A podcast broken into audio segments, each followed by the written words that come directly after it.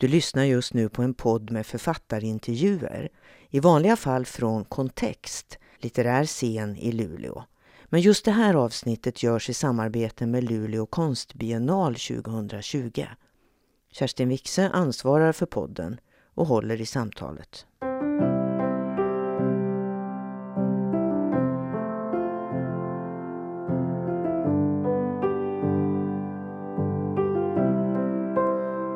Ja, nu har vi landat här hemma hos dig. Det står hantverk på huset. Det gör är det. det. Är det ditt hantverk? Ja, det skulle man kanske kunna hoppas. Skrivarhantverket. Nej, det här var en, en gammal hantverksbutik, sent 80-tal, tidigt 90-tal. Man sålde garn och, och hantverk. Ja. Och nu säljer man ord. Ja, nu säljer man ord, ja. Du, din diktsamling Marken, fast jag kanske inte tänker på den som en eh, renodlad diktsamling. Jag tänker kanske på den mer som en sorts prosa, lyrisk text med diktinslag. Så skulle jag vilja säga. Men eh, hur som helst, den fick en fantastisk spridning. Och den trycktes i eh, flera upplagor. Det var ungefär tre år sedan den kom ut nu, va? Mm. Drygt tre. Och marken, den, det, det hörde jag att den kom till, eller i alla fall fär, blev färdig till följd av någon sorts vadslagning. Var Mm. det så? Jo, det var jag och min kompis Per Gisling Poromaa som, som pratade mycket om, om mitt skrivande. Han är musiker, spelar i ett band som, som heter Värt. Och han tyckte att ja, men jag har två barn och skaffat mig en, en universitetsexamen, doktorerat och gjort skivor. Då kan du också göra, göra en bok. Så att eh, vi, vi sa det att, att ja, men vi kom överens om att om den inte är klar före 1 november 2015 tror jag att det var, då skulle jag vara skyldig honom 3000 kronor. Och 3000 kronor är inte super, super mycket pengar, men jag, jag var också diversarbetare då, så jag hade inte så, så där fasligt mycket pengar och ville inte bli av med 3000 kronor. Så att det var väl kanske, kan man säga, den, den sista knuffen framåt som jag behövde, för då satte jag igång och gjorde väldigt mycket. Då hade jag en, en, en, ett manusstopp helt enkelt. Så lite deadline behöver du. Ja, det var skönt då och det brukar vara skönt andra gånger också. Men sen är det ju klart att det finns texter som, som tillkommer av, av, av idel glädje. Bra. Och eh, vi hör nu utanför ditt eh, fönster så hör vi ibland en snöslunga som går här fram och tillbaka, vilket kan sägas behövs just denna vinter och just nu, för det har kommit otroligt mycket snö. Så den får väl åka där lite grann Mm. då och då utan att det stör oss vidare värst mycket. Du, eh, du har ju också sagt i intervjuer att det lossnade när, när du flyttade hem igen, när du flyttade upp hit igen. Vad handlar det där om? För du skrev ju redan när du flyttade söderut eh, för att plugga och du skrev ju förstås hela tiden när du gick skrivarutbildning på Skurup i Skåne. Vad var det som lossnade när du kom hit? När du kom tillbaka? Jag tror att det var materialet. Alltså jag, hade, jag hade verktygen, jag fick verktygen genom att studera. Alltså gå på Skurup skrivarlinje, det, det är nog det bästa jag gjort utbildningsmässigt. Det var otroligt värdefullt. Jag lärde mig många nya sätt att tänka. Men jag hade kvar en gammal idé om att om, om något sorts allmänmänskligt eh, eh, generellt och kanske storstadsinriktat sätt att skriva. Att materialet skulle, skulle inhämtas bland, bland de människorna. Att, att, att det inte fanns någonting här att arbeta med. Och när jag kom tillbaka, det var ju egentligen inte därför jag kom tillbaka för att jag längtade efter material, utan jag längtade efter kompisar, familj, framförallt sättet att vara gentemot varandra som jag tycker skiljer sig eh, väldigt mycket mellan Skåne där jag bodde och, och Gällivare kommun där jag bor nu. Sen när jag kom hit och började som, eh, jobba med, med, med de tekniker som jag hade plockat på mig eller lärt mig när jag var där nere så föll det ju sig ganska naturligt att om man eh, sysslar med till exempel found poems eller, eller någon, sorts, någon sorts samplingsteknik så gör man det med, med det material som man har omkring sig. Och plötsligt så... Ja, det, man kan säga att det började med att, att jag, jag imiterade de här gamla gummorna och gubborna, gubbarna. och insåg att ja, men deras satsmelodi, deras syntax, så som jag hade lärt mig den eh, sen barn, den skilde ju sig eh, väldigt markant från det sätt på vilket man pratar överallt annars. Och det, det man säger, det kom också naturligt i och med den här, eh, det här språket. Så att jag behövde inte hitta på lika mycket, utan Men, det fanns där. Ja, jag först, ja, och det hörs ju, höll jag på att säga, när man läser, eh, när man läser marken. Men det där då med att, alltså att kunna återge ett språk med en så exakt tonträff som du gör i de här texterna. Det kräver, alltså det kräver ju någonting för att det också ska bli poesi då, eller prosa lyrik. För att det ska bli litteratur kan mm. man säga. Vad kräver det? Går det att beskriva det? Jag bestämde mig ganska tidigt för att, att varje text skulle innehålla minst tre detaljer. Och det, så här i efterhand så, så kan jag ju tycka att det var idiotiskt och megalomaniskt, men att man skulle kunna fylla varje text så. Men det är ju naturligtvis bara jag som, som bestämmer om jag lyckades och kan gå vidare och kunde gå vidare. Men jag ville att, det, att, att varje text skulle vara intressant stilistiskt och det kände jag att jag ofta kunde bocka av för att, för att jag hade men för att jag jobbade med, med ett, ett språkligt fält som inte var så, så undersökt sedan tidigare. Sen skulle varje text vara läsvärd. Alltså det skulle vara en, en, dramaturgisk båge. Det skulle innehålla en anekdot och anekdoten är ju en, en sån form som är nästan lite illa sedd, för det är som det ska vara roligt och sådär. Men jag tänkte det går att göra det litterärt om jag till, tillsätter den tredje ingrediensen. Och det var att varje material jag jobbade med skulle ha en filosofisk eller en psykologisk eh, en, en botten. Ja. Så att det finns en, en text som heter Malmfälts monologer i marken som, som består av åtta stycken korta monologer.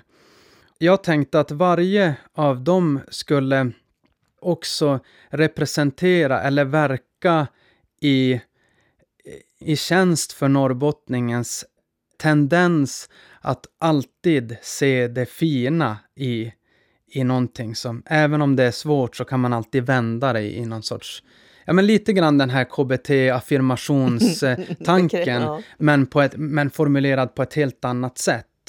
En av de åtta handlar om att den är ju väldigt enkel. Den handlar om att en, en kvinna och hennes man har varit på Pajala marknad och eh, tappat en 500 som hon har tagit ut från banken. Och hennes gubbe är arg för det. Men hon är glad för att hon ser att den som hittade 500 har blivit så himla glad. Och då tänkte jag, okej, okay, med hjälp av de här tre ingredienserna i varje text så, så kan jag ge ett litterärt värde. Och som, då tänkte jag inte på allmän giltighet eller på allmän mänsklighet. Men, men jag, jag tänkte då att, att då står den i alla fall för sig själv, den här texten. Den blir litterärt intressant samtidigt som den också är läsvärd. Jag vet inte om jag svarade på frågan riktigt. Men... Jo, men jag tror det. Du hade alltså en metod, du hade en tanke om hur gör man litteratur utan att så att säga överge det här språket och ändå vara trogen språket. Mm. För det är du ju genom hela, du är trogen språket, du är trogen också attityder som du känner dem här uppifrån som känns ju väldigt eh, sanningsenliga och eh, bottnar ju verkligen i en, i en kunskap om de här markerna då. Nu är vi tillbaka vid markerna. Mm. Och det du har som teman då, kylan. Idag är det rätt kallt men inte så himla kallt. Kylan är ju ett av dina teman. Andra är arbetet, det är gruvan, det är arbetarrörelsen, det är lästadianismen. Och så jämnmodet. Mm som ju du har sagt dig vilja lyfta fram som kännetecknande för de människor du skriver om. Är jämnmod, det är så vackert ord tycker mm. jag. Jämnmod, det är vackert. Men är det samma sak som att vara nöjd med livet? Inte för bra, inte för dåligt? Det beror ju på kanske vem man frågar. Eh, det finns ju de som säger att man inte ska vara förnöjsam, att man stagnerar på något vis. Och jag kan väl förstå den, den riktningen också, men jag har nog tänkt på, på jämnmodet som, Ja, men kanske som en överlevnadsmetod för, för norrbottningen. Därför att man inte riktigt har råd på samma sätt att, att skjuta kraven i höjden. Eh, utifrån platsen och dess betydelse, dess ringa betydelse i det stora hela, även om vi själva naturligtvis kanske borde tycka att, att, att vi är viktigare än vi är. Men också på grund av klimatet och historien som, som vi har genomgått tillsammans. Att, att det har format ett sätt att vara på som passat de människor som vuxit upp här. Hur är man då om man, om man har tillskansat sig ett visst jämnmod i livet? Hur är man då? Vad är tricket? Liksom? Är det att inte kräva för mycket, men heller inte kräva för lite? Eller vad är det? Ja, att... Sen att inte vara till besvär heller. Att nöja sig med det, med det enkla också, det, det lilla. Att allting inte behöver... Man behöver inte söka bekräftelse på, på att allting är rätt och, och så som det ska, utan man trivs med med det man själv gör. Pappa är väldigt noga med att, att kanterna ska vara på, när han plogar, att kanterna ska vara rakade. Som. Sen kan man ju naturligtvis tänka på rimligheten i att lägga 6-8 timmar på att få på raka kanter på snö som ändå kommer om och om igen. Men på något vis är det, det skulle kunna, så som jag ser det, vara ett, ett uttryck för, för, för att nöja sig med det enkla. En billigt nöje är det. Snön faller gratis. Du, du har en dikt här som heter Låt det nu låta som det låter. Kan man säga att den är ett exempel på det här jämmodet? Jo, det kan man nog göra. Den är ju inte heller uteslutande... Det är ju inte någonting i marken att jag lyfter fram det som uteslutande positivt, utan det finns ju också inbakt en, ett ifrågasättande, eh, eller en problematisering. På vissa ställen så kanske det är tydligare, på andra ställen är det mindre tydligt. Men det är ju ett, ett sätt, definitivt ett sätt att, att jobba med jämnmod. Och det är kanske skrivet, formulerat utifrån ett försvar. Eftersom det här sättet att se på tillvaron på något vis ändå är under, under attack. Det kan man väl lugnt säga. Man kan väl säga att det här är i alla fall en text som uppmanar till utjämning av vissa känslotillstånd. Mm. Men då måste vi få höra den. Du får läsa den. Sluta nu innan det blir för mycket. Inte är det ändå folk som lyssnar. Det blir varken bättre eller sämre. De har hört nog så de förstår. Det räcker man säger en gång. För riktigt så jävligt var det inte när du växte upp. Och så äcklig var inte gröten att du inte kan äta nu. Så där pass ont gör inte det där lilla blåmärket. Och så ensam var du aldrig på byaskolan. Så dåliga var inte lärarna på universitetet. Och så jävla tråkigt är det inte på jobbet. Fan också. Lägg av nu. För så försvinnande gott är det inte med sushi. Och så fantastiskt bra är det inte där nere. Så viktigt är det inte att du känner den och den och så snygg är de inte de du är med. Så bäst i världen är sommarstugan din inte och så jävla perfekt är inte dina ungar. Försök inte få det låta bättre än det är. Försök inte få det låta sämre än det är. Låt det nu låta som det låter. Alltså när du läser den där, då, sk då skrattar människor, eller hur? Ja. Av igenkänning eller av att de... Eller av, varför? Varför skrattar man? Jag, jag tror, ja men av igenkänning och för att de där, de där tendenserna finns ju hos, hos människor. Av olika skäl naturligtvis inte klarar av att hänga med i tempot där allting ska ut på Instagram, allting ska ut på Facebook. Och, och där man ska maximera känslan av att jag är så lycklig och framgångsrik. Det, det finns en surhet, tror jag, in, in, inneboende i framförallt norrbottningen, men, men säkerligen i, i, i människan generellt, som kanske reflekteras i den här texten. Och så snuddar du ju också vid det älskade temat söderut. Så fantastiskt bra är det inte där nere. Och det ägnar du dig ju åt eh, mera sen i marken, alltså där du reflekterar över den här skillnaden mellan det södra och det norra.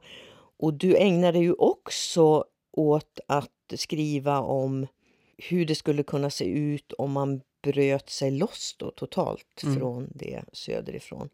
Då tänker jag lite grann i en global värld som rusar liksom mot att vi alla är beroende av alla. Vad är det i den här tanken som ändå lockar? Och varför vill du formulera det omkring den? För den är väl egentligen rätt orealistisk. Jo, den är orealistisk och den är inte heller önskvärd hos mig. Jag tror på decentralisering, men jag tror inte på isolering eller isolation på det sättet, utan jag är övertygad om att arbetarklassen är internationell och att liksom, vi människor har mer gemensamt än, vi har, än vad som skiljer oss. Sen med den här texten hoppades jag väl på att, att kunna gestalta en, någon sorts mental revolution ändå. Det finns mängder av reklamblad och liksom som, som försöker lyfta de här kommunerna, hur, hur bra de är och hur fantastiskt det är att bo här och så vidare. Och, och man hör folk som säger att vi, vi måste vara stolta över det vi har och, och vi är unika och allt möjligt. Men sånt där blir ju väldigt sådär glättigt på något vis. Så hur, hur kan man konkretisera det här på ett på ett lite tillskruvat sätt. Och, och samtidigt, då har jag ju lekt med de här tendenserna. Alltså det har ju funnits idéer om autonomt Norrland och, och att, att klippa, klippa gränsen vid Umeälven eller kanske ännu högre upp. Och, och som i egenskap av att tillhöra ett område som är väldigt rikt, att vi skulle tjäna på det och så. Men det du gör i den där texten är ju precis som du säger, alltså du lyfter ju... Det är en sorts mental resa. Du lyfter fram alla de kunskaper och liksom skickligheter som, som finns här uppe Mm. bland människor. Och säger att det här är värt något, det här är värt något, det här är värt något. Även om man kanske inte ska ha det till att skapa en egen republik. Mm. Då förstår jag. Du, kan man, tänker du, beskriva verkligheten med eh, ord? Räcker det? För att det är ju verkligen en ambition i marken, tänker jag, att du via orden försöker komma åt en verklighet inifrån, så att säga. Mm. Det är ju det mentala landskapet Mm. som bäst beskriver verkligheten. Är det så du ser det? Mm. Jag, jag är ju hemskt dålig på, som jag själv ser det åtminstone, att, att eh, syssla med naturbeskrivningar och att, att skriva fram eh, dramaturgi genom att, att agera som en, en allvetande tredjepersonsberättare eller liknande. Att, att styra, styra över skeendet på det sättet. Som kanske mera har använts i en litterär realistisk eh, tradition så att man, man ändå på något vis tolkar men i, i, i syfte att, att vilja ändå precis beskriva. Men det kanske var ett sätt för mig också att hoppa över det steget som jag, som jag inte känner att jag, att jag riktigt behärskar. Och istället låta, låta människor prata själva. Det är ju inte alla texter som är så, men, men även, även mallarna som jag använder mig av, till exempel eh, nekrologer och eh, jag har ju en, en dödsannons på slutet också. Det är ju det är ju ett sätt att komma över den där att själv styra över skeendet, men, men ändå kunna använda mig av den vetskap som jag har, alltså fylla det med material som på något vis ska vara så mänskligt som möjligt, bara presenterad i en, i en, en starkt mallad form, som i och för sig också är en väldigt, väldigt eh, betydande del av, av det mänskliga livet. Alltså att ja, men bläddra i tidningen och kolla på dödsannonser och, och veta, det finns ju Folks mamma samlar ju på dödsannonser till exempel. Om man tänker lite kring det här begreppet då, realism. För jag tänker att om du skickar upp fem personer till Malmberget och, och säger beskriv nu Malmberget, kom tillbaka med en rapport så kommer du få fem olika rapporter. Hur kommer man närmast sanningen i en realistisk sanning? Nu kommer en snöslunga här igen. Och jäklar vad mycket de måste köra. Vi Ja. måste nog vänta ut den lite grann kanske.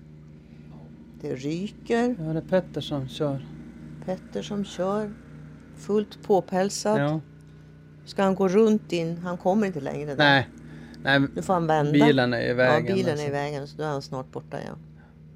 Det är fint att han plogar. Jo, Men det är inte så bra ljud när man ska prata i mikrofon. nej.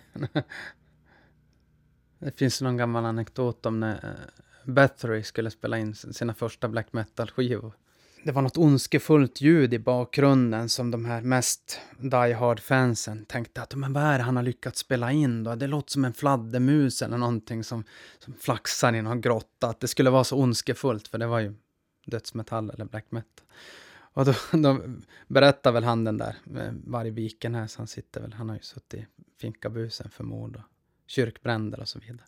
Att det var, det var hans, eh, hans granne som körde gräsklippare i bakgrunden. Och vi kör snöslunga. Jo, precis. Ja, han lär hålla på ett bra tag till.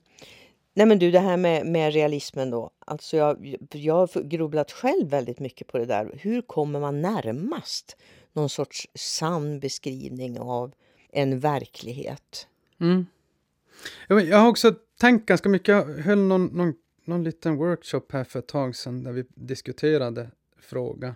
Och jag kunde ju bara säga hur jag har arbetat och vad som har funkat bäst för mig. Det verkar ju som att folk tycker att, att, att jag har kommit nära och då får man ju som, ändå se det som ett, ett kvitto på att jag, min metod åtminstone lyckades för mig i alla fall.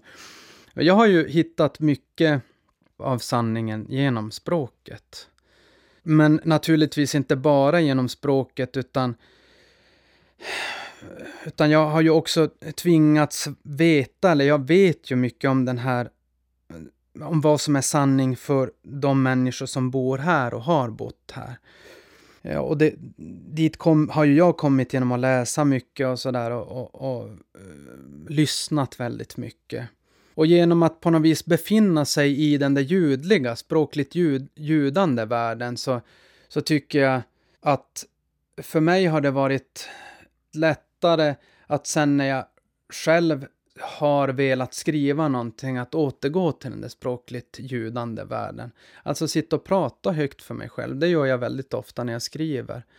För då kommer så många av de där minnena som jag har samlat på mig. Så då behöver man inte på samma sätt sitta och bläddra i uppslagsverk eller i, i sin, sin research, sitt researchmaterial. Men det är klart, det är ju, det är ju en metod som, som har funkat för mig. Sen är det ju inte... Eh, om, någon, om fem stycken personer skulle komma upp till Malmberget och beskriva det, då, då är det ju inte säkert att de i sig hade haft den förkunskapen. De, de kanske bara hade haft eh, en helg på sig att se vad som händer. Och, och då, är det ju, då får man ju som nästan formulera fem olika sätt att närma sig Verkligheten. Eh, verkligheten på utifrån varje separat persons tidigare historia och kännedom om platsen och så vidare. Men människor, människor kan ju ljuga naturligtvis också, människor man pratar med. Men samlar man på sig tillräckligt många vittnesmål så, så tänker jag ju mig att, att på något vis sanningshalten, aut autenticitetsgraden ökar. ökar. ökar ja. Men det är ju en intressant tanke det där att om man ska beskriva verkligheten så gör man alltid det utifrån sin egen person och eh, de kunskaper man besitter. Mm. Om jag kommer till Malmberget som inte vet så mycket om Malmberget, bara har ytlig kunskap om Malmberget så blir det ett helt annat Malmberget än det Malmberget som du beskriver, som kan så mycket mer om det. Jo, där tänker jag ju att eh, journalistiken har ju... Jag tycker att, att litteraturen har mycket att lära av journalistiken och att ett, ett reportage är längre, då har, man, då har man stannat längre på en plats. Då, då kan man lite mera, då kan man ta ett större omtag. En artikel är kortare med, med färre frågor. Då har man inte, man har varken utrymmet eller, eller rätten att ta på sig den, den tröjan, kavajen som säger att ja, men det här är liksom sanningen. Utan det, det är en begränsad del av den totala sanningen. Ju längre man har varit på en plats, ju längre man har jobbat med materialet, desto längre kan texten bli också. Och där närmar vi oss ju det här som vi som bor här uppe ju väldigt många gånger har råkat ut för. De där texterna som bara är exotiserande. Med någon som bara åker upp, gör ett nedslag och slås av det där allra första man ser. Ja. Eh, som ju är så tröttsamt och som ju säkert är tröttsamt på alla andra platser också. Dit människor bara gör nedslag och bara beskriver väldigt ytligt det första Mm. man ser. Ja, det säger ju en del om hur man skulle önska att media till exempel eller spridning eller journalistik skulle se ut. Okej, vi ska inte fördjupa oss i det för då hamnar vi i en helt annan diskussion. Ja. Du, vi var inne på det här söderut-begreppet. Du har ju skrivit en liten kärleksroman också som består av e-post från eh, Petter Holmgren till kompisen William Ratama om ett förhållande i storstan som först gick bra Mm. och sen så gick det inte så himla bra. Och det där eh, förhållandet rymmer ju jättemycket bland annat om det här med att vara och att göra. Mm. För din Petter, han har ju svårt för det där. Och inte göra, bara fika eller ha parmiddag eller, eller dricka drinkar. Handlar den här texten om klass? För att Petter, han kommer ju från Hackas och hans Kanske. Charlotte, kanske från Hackas, som du ungefär. Och hans Charlotte då, hon kommer från en rik familj. Hur centralt är klassbegreppet för dig? Det är ju väldigt centralt, men, men jag har medvetet skrivit ur, skrivit, skrivit klassperspektivet ur berättelsen. Den får, det, får, det får ligga där under. Det får man tänka ut själv i så Ja, fall. det, det, jag, jag är ju alldeles övertygad om att, att det har med klass, men också naturligtvis med plats att göra i det här fallet. Jag vet inte om det går, det går att säga massor om det där, Ja. men, men det är klart att, att Charlotte är ju, är ju uppvuxen i, i en annan typ av värld där, där sånt är liksom mer naturligt att göra. Medan Petter kommer från, från en, en lite fattigare tillvaro där, där sådana värden inte, liksom, ska man säga, är högt ansedda eller, eller Betyder känns inget. nöjd. Ja, precis. Eller kanske inte ens finns. Nej, det enklaste det är ju att konsumtion är inte möjligt. För, för henne är konsumtion någonting som man gör. Men för Petter är, har konsumtion kanske aldrig varit, alltså den typen av konsumtion aldrig varit, varit aktuellt. Det är inte en sysselsättning. Det har ju naturligtvis förändrats. Nu har vi ju som 14-15-åringar som säger att det, det bästa de gör med sina kompisar det är att shoppa. Men, men så var det ju inte här. Och så, så har det ju aldrig varit i arbetarklassen. Så att det, det är klart att det, det skapar ju två olika människor. Den som ser det som självklart att, att kunna köpa vad som helst, när som helst. Hur dyrt som helst. Och den människa som, som får syssla med kanske fattigmansnöjen eller Men det handlar ju inte bara om shopping, den här, det här lilla dramat, den här Nej. kärlekshistorien. Utan det handlar väl väldigt mycket om det där också, vara och göra. Vad gör man? Alltså att bara finnas till eller sitta och prata runt ett bord. Eller... Medan Petter har, ett, han har liksom ett annat aktivitetsbehov. Mm. Som han väl egentligen kanske inte kan få utlopp för i en storstad heller. Jo, men Petter kommer ju från en, en mindre ort. Det ser man ju ganska tydligt, även om det inte sägs vilken ort det är. Jag hittade på det där med Hackas. Ja, det, Okej. han kan mycket väl komma från, från Hackas. Det, är- det är inte alls omöjligt. Men alltså vara komma från en, en mindre ort.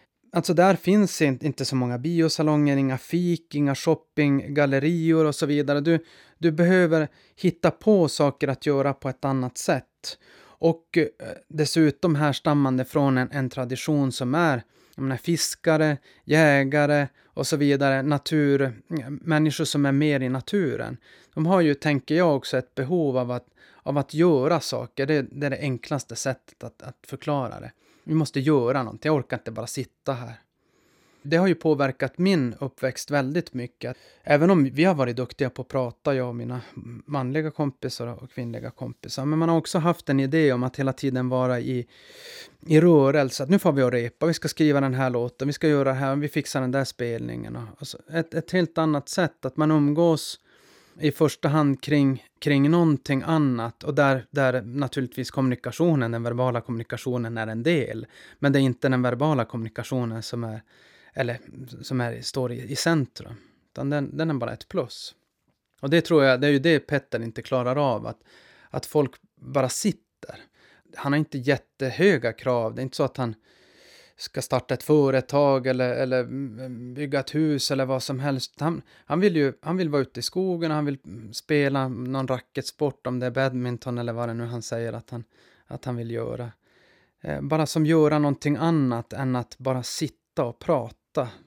Du är ju också inne på det här med stad och land såklart. Eh, stad, skillnaden stad och land. Och det har ju blivit en mycket större diskussion.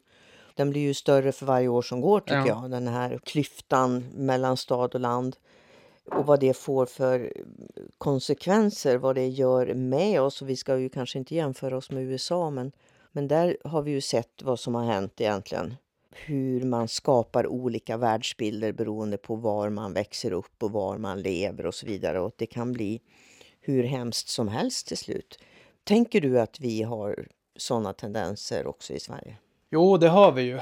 Alltså det är bara att titta på valresultaten vid de senaste valen. Att förtroendet för ett, ett tidigare så starkt och statsbärande parti som Socialdemokraterna har ju som sjunkit till rekordlåga nivåer. Många kommuner har fått nya styren. Man röstar lite hejvilt.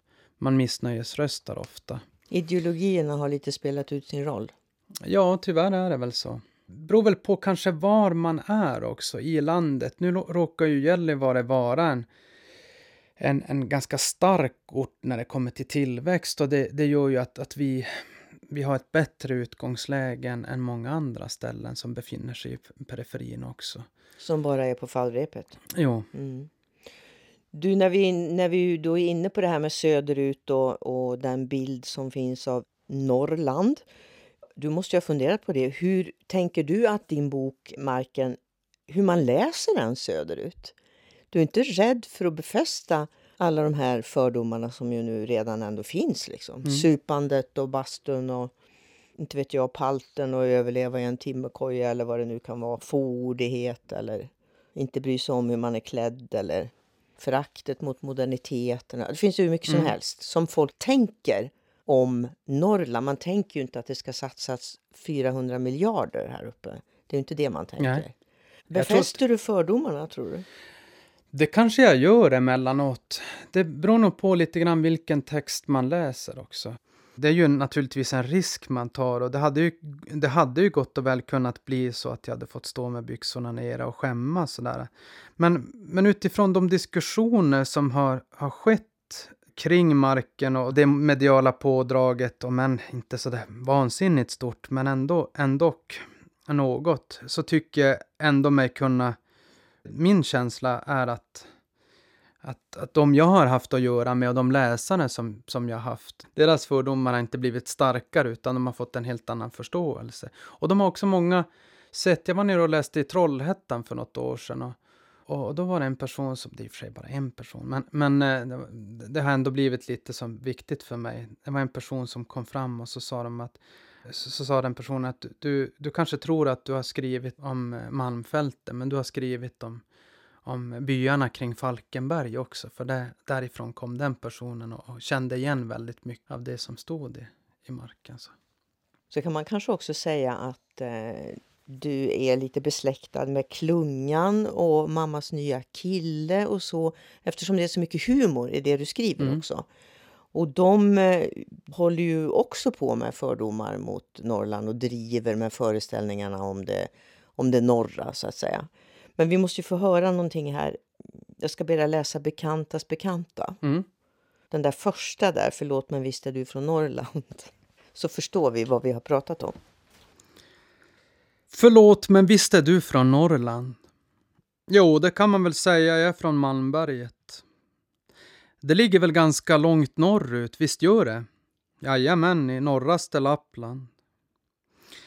Men du, jag tänkte att eftersom du då är från Norrland, då kanske du känner min närmsta väninnas make Niklas Karvonen. Jag har för mig att han är från Skellefteå. Jo, vad är det med han då? Så du är bekant med honom? Alltså, men gud vad roligt, eller hur?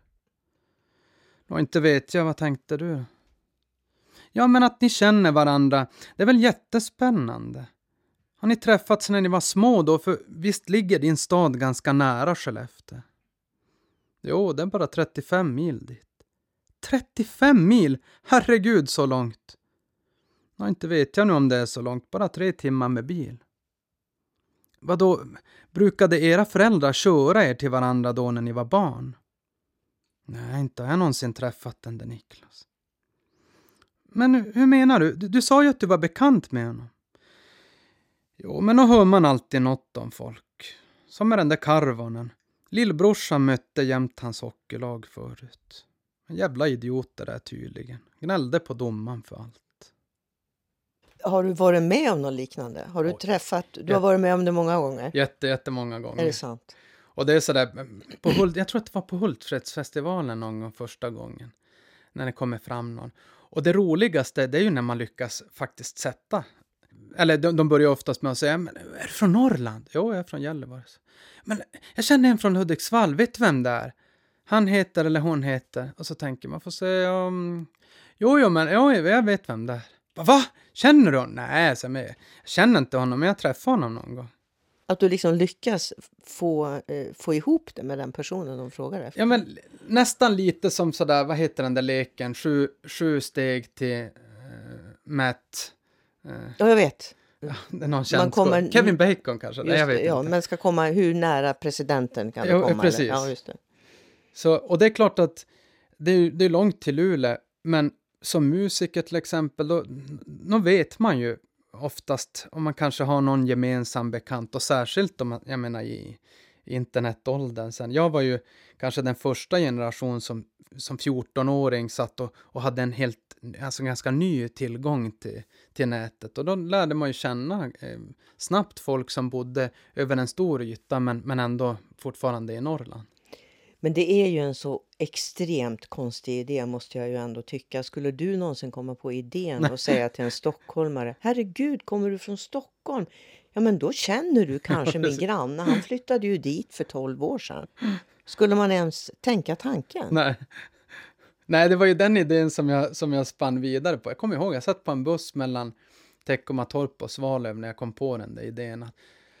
Jag vet inte, det hade nog inte hänt någonting på, på bussen kanske, men då bodde jag ju på, på Skurups, eh, på folkhögskolan och min dåvarande tjej, hon bodde på, på Svalövs folkhögskola.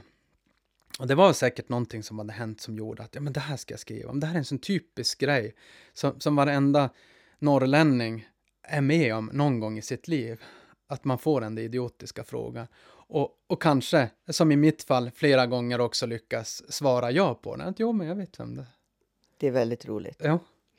Du, flera av texterna då är ju då dessutom resultat av ett kollektiv, alltså ett kollektiv, en, en kör av röster.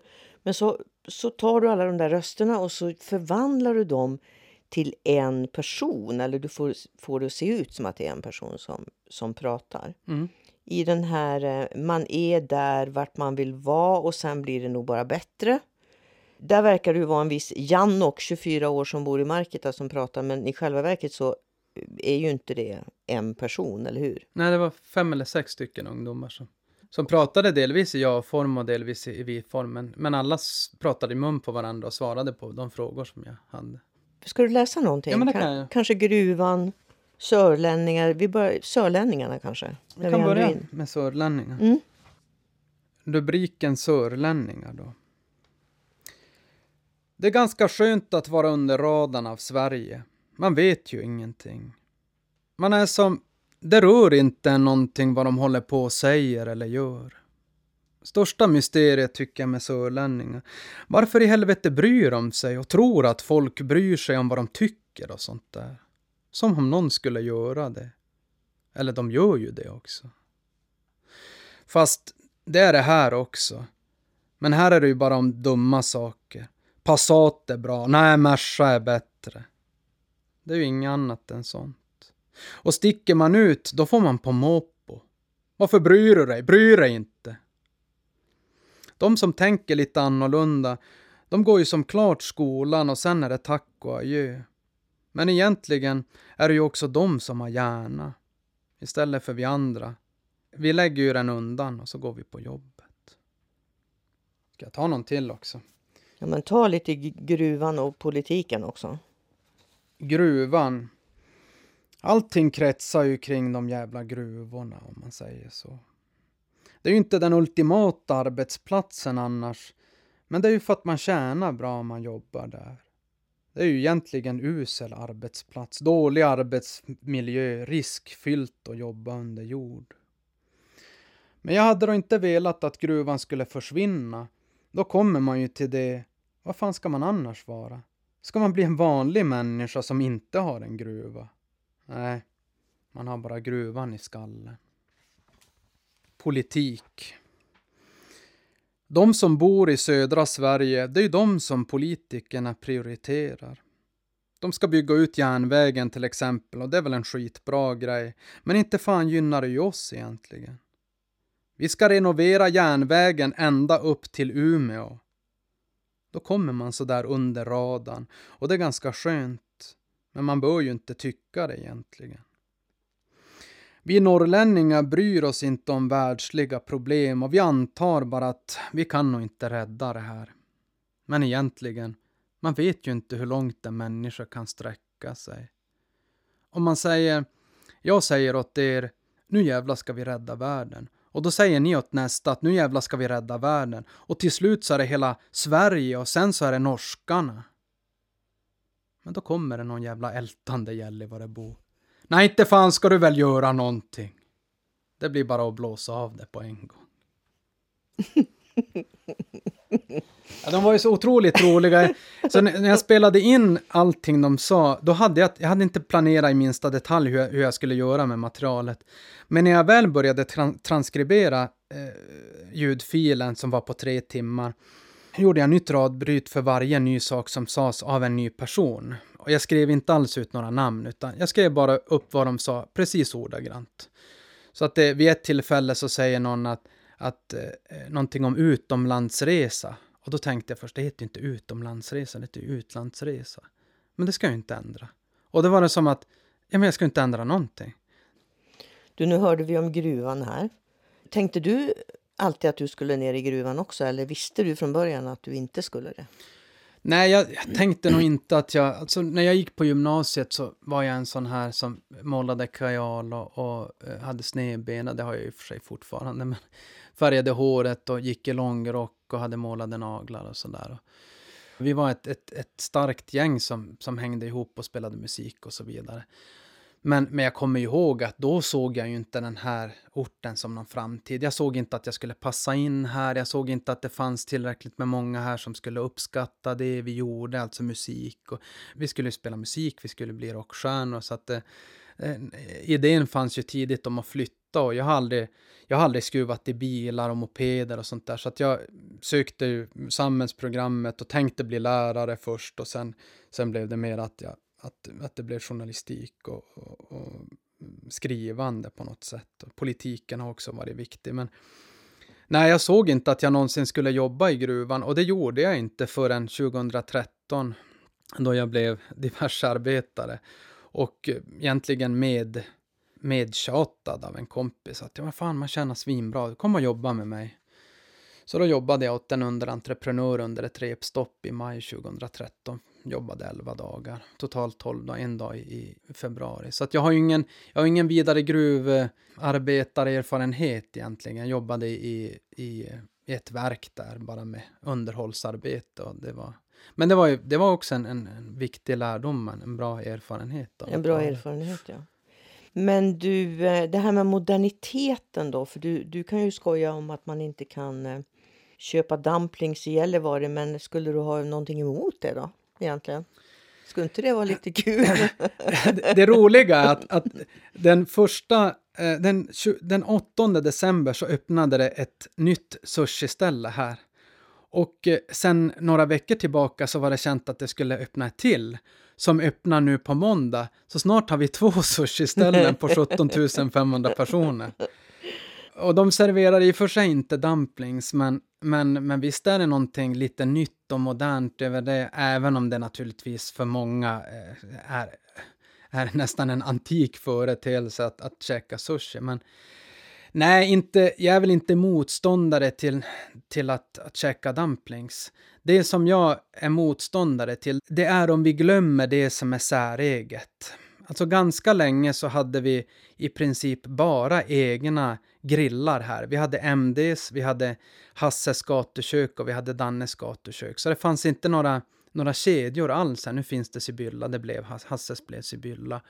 Och eh, Frasses har också öppnat och det har varit snack om att Max eventuellt, åh oh, det borde man öppnat Max här och, och jag vill inte, jag vill inte ha det där slätstrukna homogena stadsbilden där, all, där alla, vi har ju redan Kappahl och Lindex och liksom allt det som är det som finns överallt annars också. Jag skulle vilja att, att vi, vi kämpade för att behålla det som är, är Säreget. säreget. Och då tänker, du, då tänker du antagligen också att när man då kanske flyttar härifrån eller ger sig ut i världen eller så att man inte bara ska klippa det förflutna utan man ska också ha med sig någon sorts stolthet över det man har med sig så att säga. Man ska inte bara ta bort det Mm. till förmån för det här nya fantastiska man ser. Det måste gå att kombinera. Mm. Absolut. Har du känt att du har kunnat göra det? Jo, det har jag. Absolut. Och det, det, kanske, det kanske egentligen blev tydligare när jag, när jag kom ner första gången. Umeå, när jag flyttade till Umeå 2004 så då slog vi ju underifrån, upplevde vi var ett Gällivare-gäng som flyttade ner och vi, vi satte oss emot mycket av det som var det studentikosa.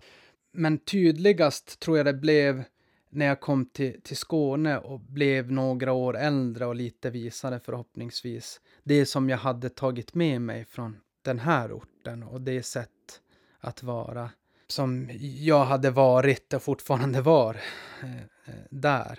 Och då, då, var det, då var det en styrka. Att inte... Jag menar att ändå våga prova naturligtvis. Det är ju inte så att jag aldrig går på, på ett nytt ställe eller aldrig äter lite mat på stora tallrikar. Det kan jag ju också göra. Men jag tror att jag har ett, ett annat förhållningssätt till det. Att jag, jag lyfter inte det där till skyarna och hänger med i de här trenderna. Att ja, men du måste gå på det här. Det är det bästa som finns någonsin. Och, och det är helt fantastiskt. Har du inte varit där, men alltså, då har du verkligen missat någonting. Att man, nu kallas det väl fear of missing out, va? Vad kallas det? FOMO, fear of missing out. Den är sån där ny, att det pågår så mycket så att man, man, känner, man, man känner sig alltid som att man missar någonting trots att man är i ett sammanhang som är väldigt roligt. Man kan vara på en fest men då borde man egentligen ha varit på den andra krogen för där var det mycket, mycket bättre. Och det, jag tänker att det där hör ihop med jämnmodstanken också. Att, att på något vis eh, lära sig att ja, men det här är vad det är. Den här maten, den här lilla maten på den här stora tallriken, den var god. Jag, jag är nöjd med det. Jag kan prova, jag har betalt 350 spänn för den här. Det var inte värt det, sådär kan jag tycka, för jag kan göra lika god mat hemma. Men det är ingen fara att, att prova det. Och jag kan kanske göra det igen, men det är inte så att jag blåser upp det där till... till... Till en fantastisk upplevelse. Nej, Du, det är också väldigt omodernt idag att sätta kollektivet, som ju du skriver en hel del om, framför individen. Och i marken så finns det ju texter om arbetets betydelse, hur centralt det är, även om man knappt står ut med själva jobbet. Men arbeta ska det. Du arbetar ju själv med det som bjuds kan man säga, eller har gjort genom åren sedan du kom hit upp då. Mm. Vad har du jobbat som? Jag började på posten, sen sa jag upp mig för att jag tyckte att det blev för mycket jobb. Jag ville skriva mer. Så efter det så har jag jobbat med flyktingar på ett eh, etableringsboende, eller evakueringsboende hette det. Jag har kört tidningar, jag har jobbat eh, som journalist lite grann för en tidning här. Jag har jobbat som gitarrlärare, jag har haft kurser i vegetarisk matlagning. Jag har jobbat på eh, affär. Oj, Ja. okej. Ljudtekniker, Ja, men lite, lite, allt möjligt. poesiuppläsare. spelat mycket musik också. Vi hade en, en, en grupp som hette Gällivarebygdens ungdom. Det var jag som var 35 kanske, och så, ja, 34, och så var det någon som var 44, och så var det någon som var 34. Eh, vi tog det namnet från Tana Breddens ungdom. Jag kommer ihåg något gammalt, gammalt foto på, på dem, och där de var gamla allihopa, men fortfarande hette Tana Breddens ungdom. Vi for runt på äldreboenden och spelade gamla finska låtar. Vi kommer inte undan förbuden, för det finns sammantaget 613 förbud och påbud i marken. Alltså det är förhållningsorder in i minsta detalj om hur en människa ska leva sitt liv. Kära någon, tänkte jag när jag såg dem där. Hur mycket han inte tänkt, David Väyrynen, på förbud och hur mycket måste han inte gilla påbud och förbud? Gör du det? Jag älskar regler. Gör du det? Ja. Du älskar regler? Jo, alltså inte, inte nödvändigtvis lagar, även om jag förstår syftet med, med lagar, men jag tycker hemskt mycket om regler. Jag, jag, jag har mycket lättare att navigera mig själv i, i livet om jag har... Nej, vad, vilken typ av Ja, men, till exempel, jag, jag älskar mat. och jag skulle kunna äta hur mycket som helst, men därför, för att inte göra det, så måste jag som när jag har gjort ett storkok av ärtsoppa, så tar jag fram så, så många lådor jag har och så sätter jag undan så fort som möjligt så att jag har att frysa ner då. För annars så sitter jag och tummar på det där. Mycket regler kring mat. Alltså, jag är vegetarian och jag, jag äter till exempel inte vilt, för jag vet att om jag börjar äta vilt så kommer, då kommer de där Dennis falukorvarna och, och slinka, slinka in lite då och då ändå. Och till slut så, så ligger ett par hamburgare på fatet också. Och då skulle jag äta mycket mer än vad jag behöver. Så i det avseendet så är jag väldigt noga med att sätta upp regler, men det är också mycket annat. Och mycket är ju sånt där som, är, som förändras med tiden, men, men när jag träffade min första riktigt stora kärlek så tyckte jag till exempel inte att man skulle hålla på hångla med varandra på stan och sånt där, utan då skulle man ha liksom, man skulle inte hålla på och irritera folk genom sin glädje och ja, men mycket, mycket sånt där. Så om jag skulle bli nära vän med dig, skulle du ha en massa regler då för vår vänskap och vad jag inte skulle få göra? Eller Nej, det tror jag du inte. Inte. Inte så? Nej. Du är inte moralist Nej, nej det är i inte. ditt regelverk? Nej, det, det, det tror jag inte. Det hoppas jag att Utan jag det är regler för din egen Ja. skull? För det är inte så att jag går runt på stan och tänker att vad håller ni på att hångla på stan? Är ni dum i huvudet? Eller? Utan det är mera för, för, för egen del. Att jag, jag tycker att det, nu gör jag det på ett helt annat sätt och det är ganska skönt att, att slippa. Det är ingenting fel i att göra det. Du, då måste vi få höra några regler. Några regler. Alltså inte 613 Nej, stycken, nej, precis. men några stycken. Ja, men vi, tar, vi börjar med 167 bara för att det passar den här dagen. 167, okej. Påbud om att klä sig rätt för att inte kunna klaga över väder och vind. 168. Förbud för en man att klä sig hur som helst. 169. Förbud för en kvinna att klä sig hur som helst. 170. Förbud mot att för jämnan bära kläder mer för deras form än för deras funktion. 171. Påbud om att minnas att ett par smutsiga byxor också håller värmen. Jag kan ta, de här är ganska roliga om man tar dem i, i högt tempo. De, de handlar väldigt mycket om jämnmod de också. 60. Påbud om att låta sig känna sorg i rimlig utsträckning. 61. Påbud om att låta sig känna saknad i rimlig utsträckning. 62. Påbud om att låta sig känna längtan i rimlig utsträckning. 63. Påbud om att låta sig känna misstro i rimlig utsträckning. 64. Påbud om att låta sig känna uppgivenhet i rimlig utsträckning. 65. Påbud om att låta sig känna ensamhet i rimlig utsträckning. 66. Påbud om att i rimlig utsträckning låta sig känna sig övergiven. 67. Påbud om att i rimlig utsträckning låta sig känna sig missförstådd. 68. Förbud mot att låta varje föregående känsla överordnats av vikten av att överleva. Oj. Förbud mot att vara deprimerad alltså. Ja, bara man gör det i rimlig utsträckning. Bara så- man är det i rimlig utsträckning. Men du, vad är det här nu för eh, förbud och påbud? För att det finns ju en historia bakom. Det finns en historia bakom. Jag var oerhört intresserad av, av chassidismen ett tag, 2008, 2009, 2010. Och läste mycket och hade någon idé om att man skulle kunna bli chassid. Nej, jag vet inte, men, men eh, de är ju otroligt inne på regler. Alltså, Ja. Jag läste Nina Solomons eh, Okej, amen från, från New York och chassiderna där. Och jag tyckte att det var så otroligt spännande hur man mitt i den här gigantiska staden, världsstaden, kan hålla på med de här reglerna och vara så kysk och som eh, en purist i, i många avseenden. Jag kommer ihåg att det stod i boken att om man skulle titta ovanför eh, alltså med en drönare eller liknande, då kan man se hur chassidiska män sådär, kör slalom mellan människor på gatorna för att de är inte tillåtna att, att gå mellan två kvinnor som inte är deras, eh, deras släktingar eller deras fru. Och ju mer jag läste om, om chassidismen, eh, jag hade ju grundat hela intresset med att läsa ganska mycket om judendomen och visst kände ju till att, att eh, de här reglerna fanns. Men de var ju svåra att få tag på sådär i svensk översättning. Så att jag googlade mig fram till någon sida som innehöll de här på engelska och började läsa de här 613 påbuden och förbuden och insåg att för det första det finns någonting väldigt malmfältskt, men det är ett svårt ord, malmfältskt och tornedalskt över de här, många av dem. Så jag började som lite lätt översätta dem till norrbottniska förhållanden. Och eh, det gick bra. Och kunde, kunde översätta några av dem rakt av. Bara som eh, tvista språket lite grann. Och ville att det skulle bli mera som rejält folkligt på något vis. Inte så, så religiöst.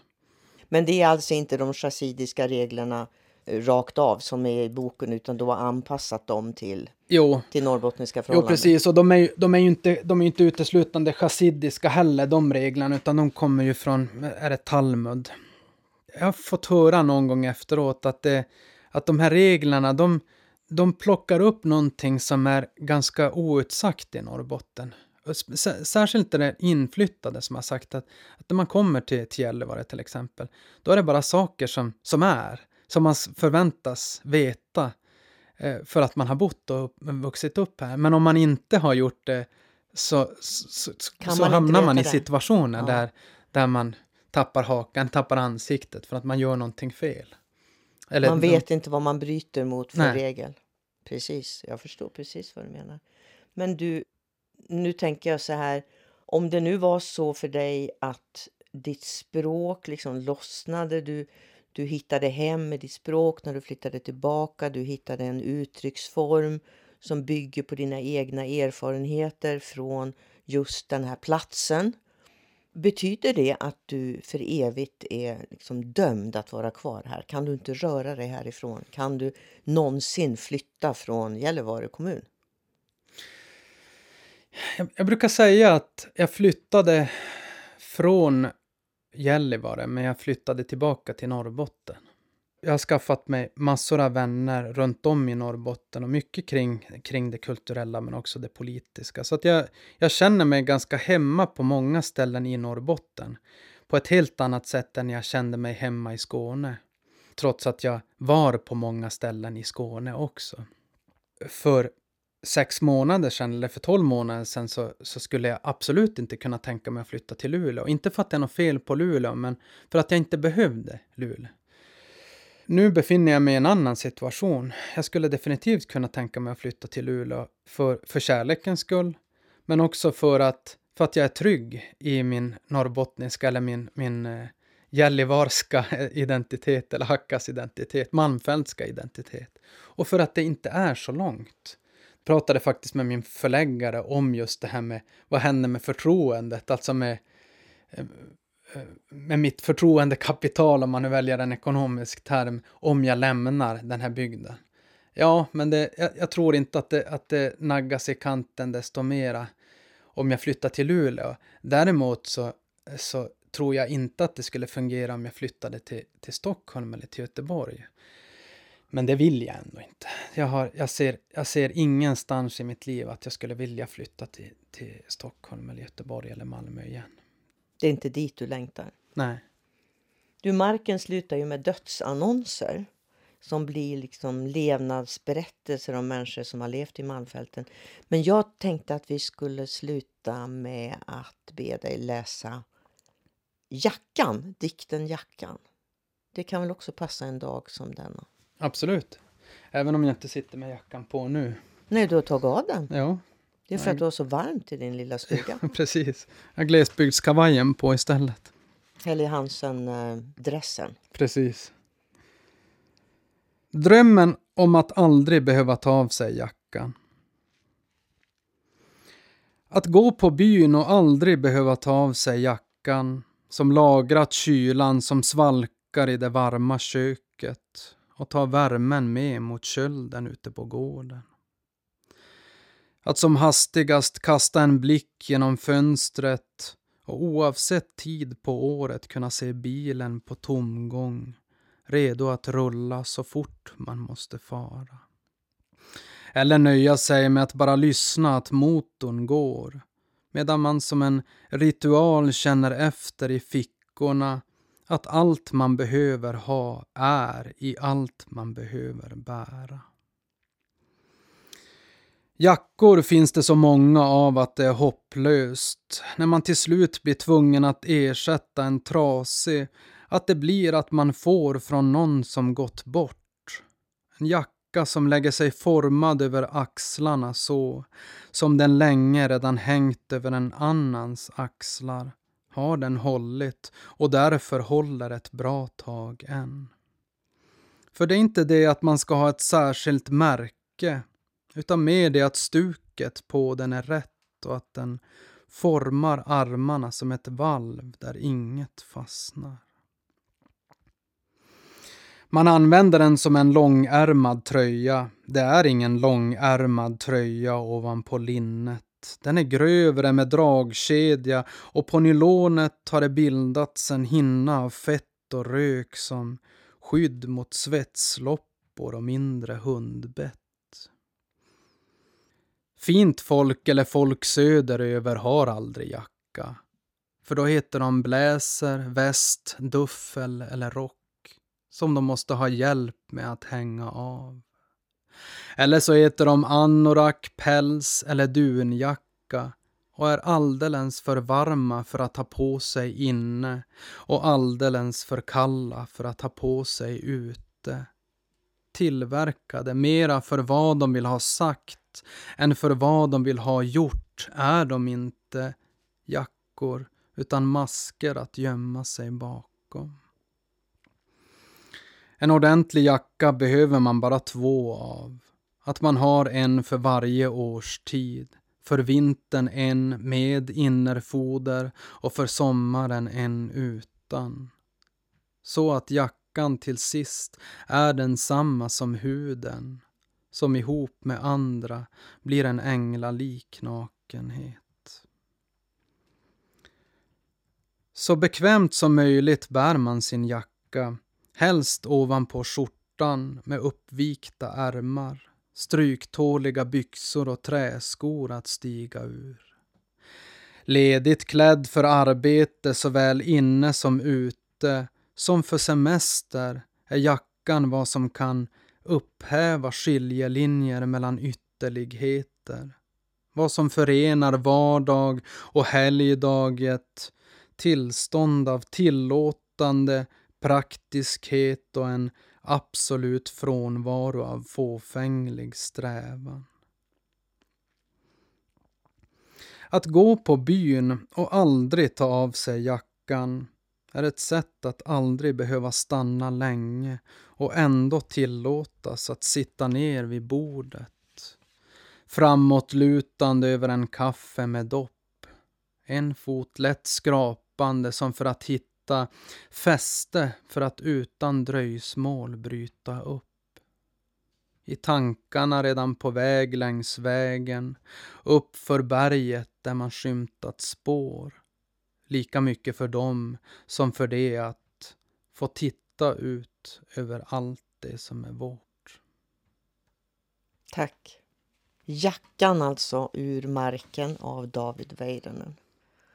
Tack David för att vi fick komma hit. Nu är det bara att dra på sig jackorna. Nu är det bara att dra på sig jackorna. Tack för att ni kom hit. Tack ska du ha.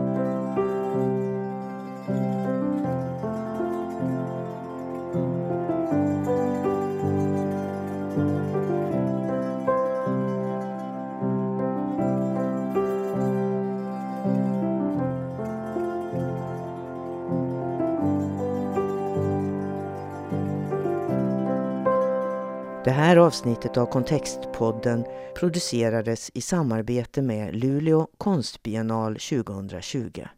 Kontextpodden drivs med stöd av Region Norrbotten och i samarbete med Kontext, litterär scen i Luleå.